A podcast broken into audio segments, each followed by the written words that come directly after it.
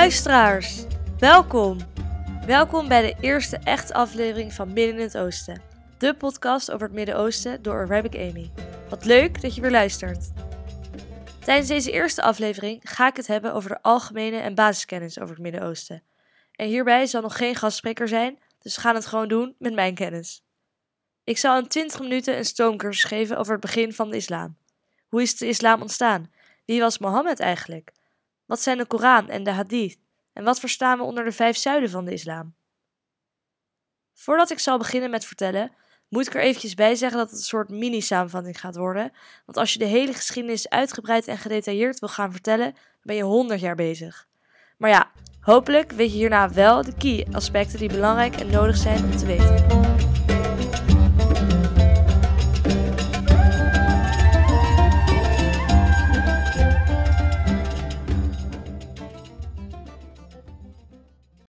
Nou, wat is het Midden-Oosten? Dat is een vraag die je niet zo 1, 2, 3 kan beantwoorden. Het Midden-Oosten, in het Arabisch als Sharq al-Awsat, is een gebied in Afrika en Azië. Het is niet precies bepaald, maar het bestaat uit een deel van West-Azië en delen van Noord-Afrika en dan met name Egypte. Um, het is moeilijk om het gebied precies te definiëren. Er is ook niet echt een algemene geaccepteerde formule hiervoor onder geleerden. De term brengt dus zelf veel verwarring met zich mee. De meeste landen in het Midden-Oosten zijn deel van de Arabische wereld. Dat wil zeggen dat het landen zijn die Arabisch spreken en ook deel zijn van de Arabische Liga. En de Arabische Liga heeft als voornaamste doel om de relatie tussen de Arabische landen te verstevigen, die, zoals jullie misschien wel weten, momenteel niet heel sterk is.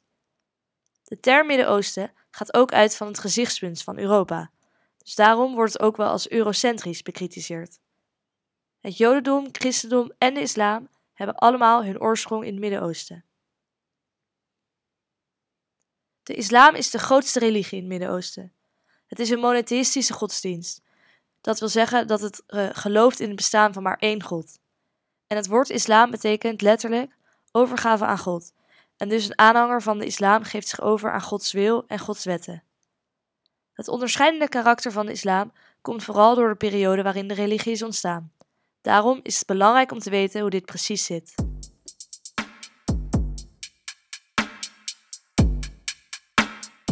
De oorsprong van de islam ligt op het Arabische Schiereiland, tijdens het begin van de 7e eeuw. Het Arabische Schiereiland lag toen tussen twee wereldrijken. Je had het Byzantijnse Rijk en het Perzische Rijk. Het Byzantijnse Rijk ontstond voornamelijk uit het Middellandse Zeegebied en had Constantinopel als hoofdstad, en eigenlijk kan het worden gezien als de overblijfselen van het Oost-Romeinse Rijk. En het Perzische Rijk was voornamelijk het hedendaagse Iran.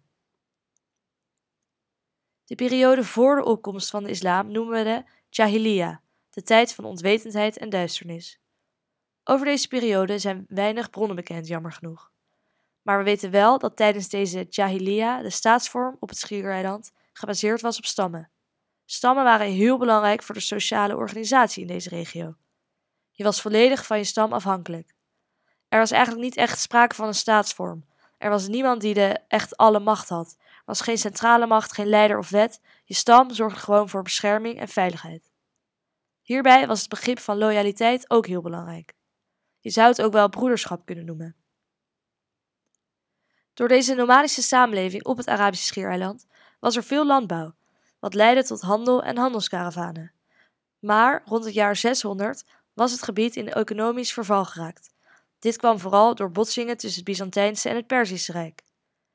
Hierdoor ontstond er periode van onrust, oorlogen, gevechten, raids en noem het maar op. En dit was dan ook precies de periode dat Mohammed in beeld kwam. Mohammed, de profeet en boodschapper van God. En hij kwam ook uit een van deze stammen op het Schiereiland, namelijk de Quraysh-stam. Dit was de leidende stam in Mekka. Mohammed ontving openbaringen van God toen hij ongeveer 40 jaar oud was. En de belangrijkste boodschap van deze openbaringen was dat er maar één God was, iets wat we in het Arabisch tawhid noemen. In het jaar 622 verplaatste Mohammed zich naar Medina, mede om de religie te verspreiden en omdat hij werd onderdrukt in Mekka door zijn eigen stamgenoten. Deze verplaatsing noemen we de hijra. Mekka en Medina zijn nu nog steeds de heiligste steden van de islam. Toen Mohammed aankwam in Medina, was het helaas niet meteen feest. Er was hier namelijk al een conflict bezig tussen twee andere stammen. En Mohammed werd gezien als een soort bemiddelaar in dit conflict. Hij liet een wet opstellen waarin de verhoudingen tussen verschillende stammen in Medina geregeld zouden worden. Dit staat bekend als de Constitutie van Medina. En dit document is erg belangrijk om de islam en het succes ervan te begrijpen. Hierin stond namelijk dat de samenleving voortaan niet meer op stammen gebaseerd zou worden, maar op religie. Het werd dus een religieuze samenleving. Broederschap was niet meer belangrijk. Het ging er puur om welke religie je aanhing. Alle regels en ideeën, zoals loyaliteit aan de stam, eer aan de stam, etc., werd nu toegepast op de Umma. Dit is de moslimgemeenschap, in plaats van op de stam. In de jaren daarna volgden nog vele veldslagen en raids en het lukte Mohammed en zijn volgelingen uiteindelijk om Mekka te heroveren in 630. Mohammed overleed in 632. Maar ja, wie werd de nieuwe leider?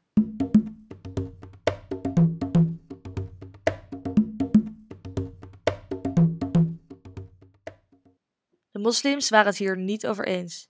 En hier ontstond het verschil tussen Soenieten en Shiiten. De Soenieten vonden namelijk dat de kalif, oftewel de opvolger, zelf gekozen mag worden door de gemeenschap.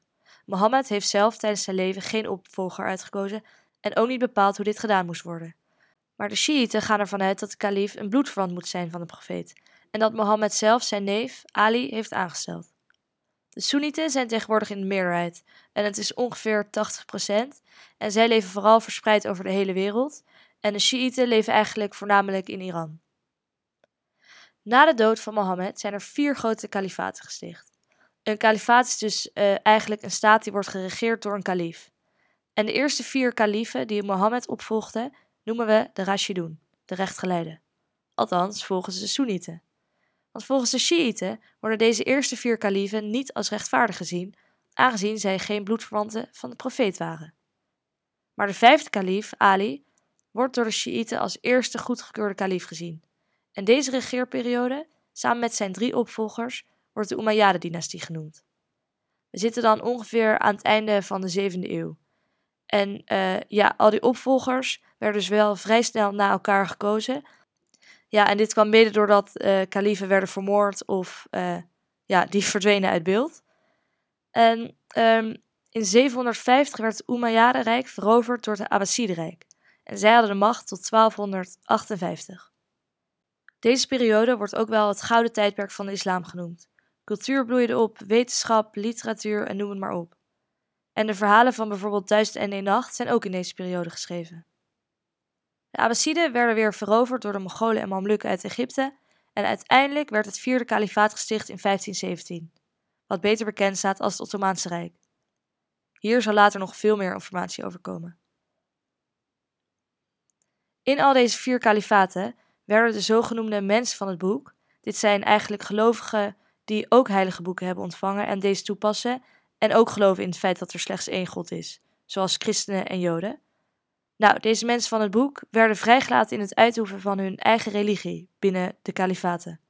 Maar ze moesten wel een extra belasting betalen, de jizya. En moslims zelf hoefden deze niet te betalen. Ongelovige mensen, die dus helemaal nergens in geloofden, werden wel hard aangepakt binnen het kalifaat. Dit gebeurde bijvoorbeeld bij de Afrikaanse stammen die meerdere goden aanbaden.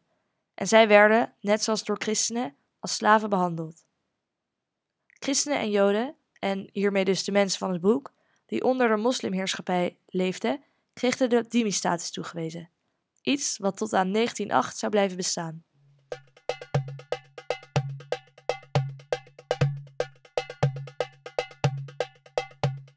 Oké, nou, dit was even een hele korte introductie van hoe de islam is ontstaan. Uh, maar blijf er vooral nog eventjes bij, want nu gaan we over naar de algemene kennis van de islam. De belangrijkste bronnen voor moslims zijn de Koran en de Hadith. De Koran is het heilige boek die de openbaringen aan Mohammed van God bevat. Dit gebeurde via de engel Jibril.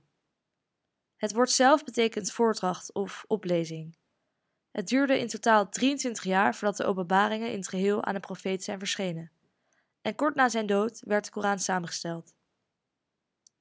Vertalingen van de Koran zijn lastig, aangezien vertalen automatisch interpreteren zou betekenen volgens moslims. Iedere vertaling is dus een interpretatie en vele vertalingen vertonen op essentiële punten grote verschillen. en hierdoor worden ze vaak als niet gezaghebbend gezien. Het is dus een Arabische tekst die bestaat uit 114 soera's.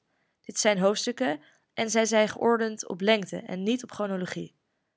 Een soera is verdeeld in aya's, en uh, dit zijn eigenlijk verzen, en op één soera na beginnen alle soera's met het bismillah, in de naam van God, de genadigde, de barmhartige. De Koran is in letterlijke zin het woord van God. God is aan het woord. In vergelijking met openbaringsteksten uit de Joodse en christelijke tradities is de Koran weinig verhalend. En aangezien de tekst is opgesteld in de 7e eeuw, is het van belang is het belang van interpretatie ontzettend belangrijk. Tijden van toen zijn namelijk heel anders dan tijden van nu. Oké, de hadith. De hadith is de verzameling van uitspraken en het handelen van Mohammed. Dit werd gebruikt om de context van openbaringen te begrijpen en om aan te vullen wanneer de Koran geen directe uitspraak deed over zaken. Er ontstond veel twijfel over de betrouwbaarheid van sommige uitspraken en handelingen van de profeet, vooral toen het aantal hadith explosief toenam in de eeuwen na zijn dood. Hij zou zelf hiervoor al gewaarschuwd hebben. Uit één hadith komt namelijk: Degene die met opzet iets in mijn mond legt wat ik niet gezegd heb, zal branden in hel. Nou, dit uh, klinkt niet heel gezellig. Verder zijn er een aantal centrale geloofspunten binnen de islam. De eerste is God en zijn absolute eenheid. Er is maar één God en die moet aanbeden worden. En de tweede is de plicht om het gebied waarin de islamitische wetgeving geldt uit te breiden. Het gebied waar de sharia van kracht is, wordt Dar al-Islam genoemd, het huis van islam. En hier tegenover staat het gebied van Dar al-Harb. Dit is het gebied van de oorlog. En dit moet dus veranderd worden in Dar al-Islam. En hiermee moet dus de islam verspreid worden. Een ander centraal aspect bij de islam is de sharia, wat ik net kort al noemde. En vaak denken niet-moslims hierbij aan enge lijfstraffen, doodstraffen, zweep- en stokslagen. Maar de sharia is anders dan veel mensen denken. Het is veel breder. Het betekent eigenlijk gewoon de islamitische wetgeving die God heeft geopenbaard. Maar het gaat vaak ook om de persoonlijke relatie met God, gerechtigheid, gelijkheid en niet om dwang. De sharia kan op vele verschillende manieren geïnterpreteerd worden. En er is hier ook veel oneenigheid over onder moslims zelf.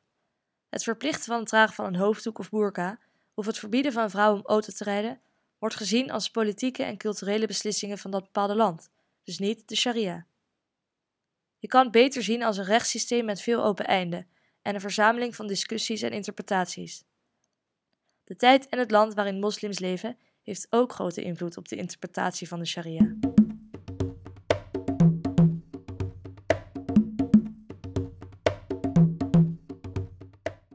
De vijf zuilen je hebt er vast wel een keer over gehoord, maar weet alsnog niet helemaal precies wat het betekent.